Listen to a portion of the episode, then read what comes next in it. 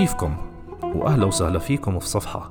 في كل حلقة رح نقرأ صفحة مصممة عشان تساعدنا للحصول على الحكمة اللي بتلزمنا للتعامل مع الحياة اليومية. تستند كل كلمة فيها على أفكار وفلسفة أعظم رجال ونساء التاريخ في محاولة إنه نقدر نشوف حاضرنا ضوء ماضينا.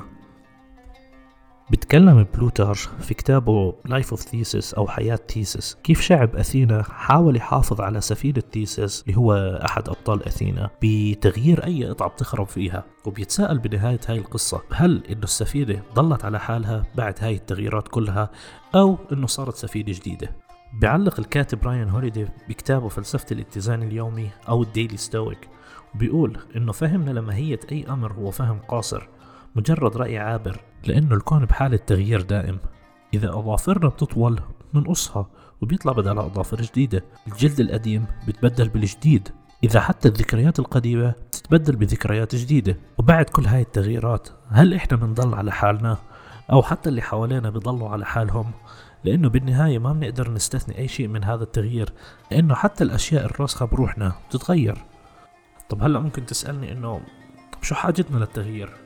هذا السؤال جاوب عليه جورج برنارد شو لما قال لأنه التقدم مستحيل من دون تغيير واللي ما بيقدروا يغيروا عقولهم ما راح يقدروا يغيروا أي شيء لأنه البقاء بالنهاية مش للأقوى ولا للأذكى بس للأكثر استجابة للتغيير وعشان نتقدم ونتحسن لازم نتغير وعشان نبقى لازم نتغير كتير طب متى لازم نتغير؟ ألبرت أينشتاين بيقول إنه العالم من حولنا نشأ نتيجة لأفكارنا وما بنقدر نغيره من دون تغيير أفكارنا. لكن للأسف الكل بيفكر بتغيير العالم بس ما حدا بيفكر بتغيير حاله. بس لو فكرنا للحظة إنه ممكن العيوب اللي ضيعنا وقتنا وإحنا عم نلاحظها بغيرنا ما هي إلا انعكاس لحالنا إحنا. بيقول الدكتور جوردن بي بيترسون بكتابه 12 قاعدة للحياة إنه بالحياة بنبني الأبنية وبنعيش فيها وبنبني عائلات ودول وبلدان ومنسوخ الأنظمة والمعتقدات. ونجاحنا بخلينا نشعر بالرضا عن أنفسنا وننسى ننتبه وبنستخف وبنستهين وبنتغافل وبنعجز عن ملاحظة إنه الأمور عم تتغير وإنه الفساد عم بضرب بجذورنا وكل شيء عم بنهار من حوالينا. والسؤال هل هذا خطأ الواقع أو السبب إنه الأمور انهارت؟ لأنه إحنا ما انتبهنا بما فيه الكفاية. فيما مضى كنت أحاول أن أغير العالم أما الآن وقد لامستني الحكمة فلا أحاول أن أغير شيئا سوى نفسي. جلال الدين الرومي.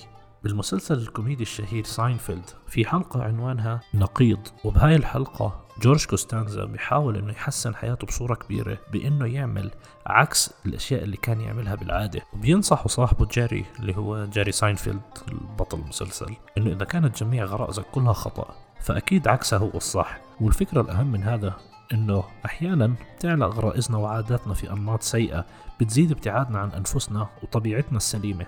أكيد في كتير شغلات ممكن نعملها اليوم لتحسين أنفسنا والعالم بالمحصلة. بس الأهم إنه ما نخلق لأنفسنا الأعذار بإنه الظروف مش مناسبة لأنه الظروف أبدا ما حتكون مناسبة. مثل ما بيقول الدكتور جوردن بيترسون إنه من الصعب للغاية إنه نفهم الفوضى المتداخلة للواقع بمجرد بس إنه نشوفه. لأن كل إشي بتغير وبيتحول في عالم الواقع.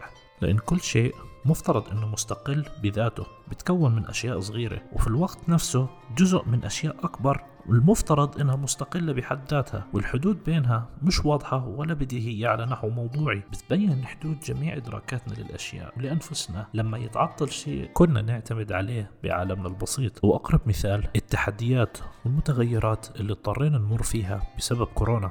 كان عالم النفس العبقري فيكتور فرانكل بيعالج المرضى اللي بيعانوا من أنواع الرهاب والعادات العصبية باستخدام طريقة سماها القصد المتناقض اللي من خلالها إذا كان بده يعالج مثلا مريض ما بيقدر ينام بدل ما يلجأ للعلاجات الطبيعية وتقنيات الاسترخاء كان يشجع المريض على محاولة عدم النوم واكتشف إنه تحويل التركيز عن المشكلة وصرف انتباه المريض المهووس بمشكلة عدم النوم سمح للمريض بالنوم بشكل طبيعي بالنهاية.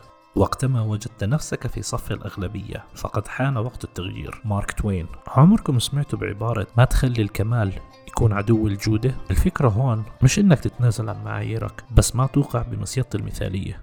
بيفتتح المنظم الاجتماعي سول ألينسكي كتابه Rules for Radicals بفكرة واقعية وملهمة صراحة. بيقول فيها بدأت كمنظم من حيث يبدأ العالم وليس من حيث وددت أن أبدأ. لا يعمل تقبلنا للعالم كما هو بأية حال من الأحوال على إضعاف رغبتنا في تغييره إلى ما نرى أنه يجب أن يكون. بل من الضروري أن نبدأ من حيث يبدأ العالم. إن كنا نرغب في تغييره لما نرى أنه يجب أن يكون. وبعد كل هذا الحكي أكيد في سؤال عم بتبادر لأذهاننا. طب من وين بدنا نبلش؟ بينصح الدكتور جوردن بيترسون إنه بنقدر نستخدم معاييرنا الخاصة لتقدير الأمور والاعتماد على أنفسنا في التوجيه والإرشاد وما في داعي نلتزم بأي نظام سلوكي خارجي أو تعسفي. ونتذكر ما بنقدر نغفل عن إرشادات ديننا وحضارتنا وثقافتنا لأنه الحياة قصيرة وما في عنا وقت كافي لنعرف كل إشي لحالنا لأنه القدماء اكتسبوا الحكمة بمشقة وصعوبة وممكن كان عندهم نصيحة أو اثنين مفيدة لإلنا. مع الأخذ بعين الاعتبار بأنه مسيرين باللي ما بنعرفه وهو تغيير العالم ومخيرين باللي بنعرفه وهو تغيير أنفسنا نركز على الأشياء اللي لنا سيطرة عليها وما نضيع وقتنا بالتفكير بالأشياء اللي ما بنقدر نسيطر عليها. ونجرب نعمل العكس مثل جورج كوستانزا بأنه نصلح نفسنا قبل ما نحاول ننقذ العالم من حوالينا. مثل ما قال سيدنا أبو بكر رضي الله عنه أصلح نفسك يصلح لك الناس. فلو كان التغيير بمقدورنا فصبرنا عليه بلادة ورضانا فيه هو حمر وإذا أعجبتكم هاي الحلقة أتمنى منكم أنكم تشاركوها مع أصدقائكم. وبنشوفكم الحلقة الجاية.